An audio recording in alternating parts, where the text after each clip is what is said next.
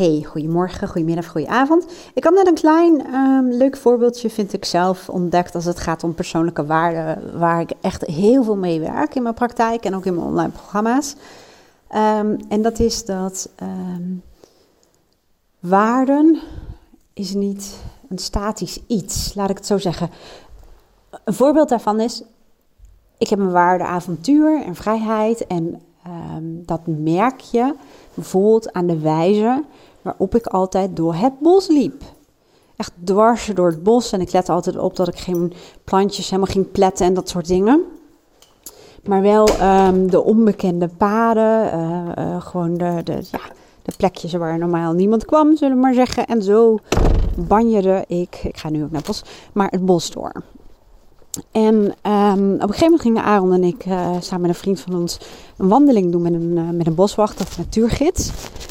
En die zei, ja, dat kun je beter niet doen. Hij zegt niet per se omdat het niet mag, daar gaat helemaal niet over. Hij zegt maar, uh, als je uh, daar bijvoorbeeld overdag loopt, dan kan het zijn dat bijvoorbeeld reetjes daar liggen of zitten te slapen. En dat je ze verstoort en dat ze uit schrikreactie gaan rennen en uh, de weg op rennen en dat ze aangereden worden. En dat, wat die boswachter zei, heeft ervoor gezorgd dat ik dat dus niet meer ging doen. Omdat nog steeds die waarde vrijheid en avontuur is heel erg belangrijk. En, en dat gaf me heel veel plezier. Alleen nu merk je dat een waarde belangrijker wordt voor deze situatie. En, um, en dat het ook nog eens een keertje goed voelt. Het voelt dus niet als een concessie hè, die ik doe. Um, maar meer als, dat noemen ze binnen uh, waarde, afgestemd. Dit is een heel bewuste keuze voor mij. Um, dat ik respect heb en uh, voor de dieren.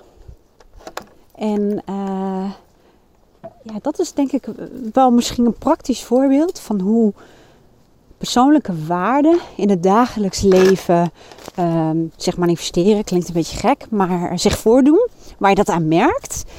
Maar dat het ook kan zijn uh, dat er ook een andere belangrijke persoonlijke waarde is. En uh, dat er nogal een verschil is tussen dat je bijvoorbeeld heel bozig of geïrriteerd denkt, nou ga ik wel niet meer door die paden lopen. Hè? Want, maar dat, dat het niet goed voelt. Nou, dat klonk wel heel hekserig, hè? maar dat het niet goed voelt. Dat je het gevoel hebt dat je er iets voor moet laten. Maar het kan ook zijn um, dat het juist heel goed voelt. Hè, ik, ik heb als ik die paden, ik heb heel vaak van die paden, vooral van die paden waar dierenpaden noemen we dat, van die wildpaadjes waar juist heel veel wilde dieren lopen. Oh, van alles in mij wil gewoon graag dat pad in.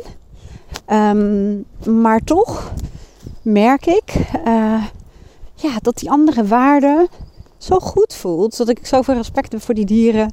En dat ik ook echt denk, ja, ik ben in hun leefgebied. En ik wil dat gewoon niet op mijn geweten hebben dat het gewoon volkomen goed voelt om dat niet te doen.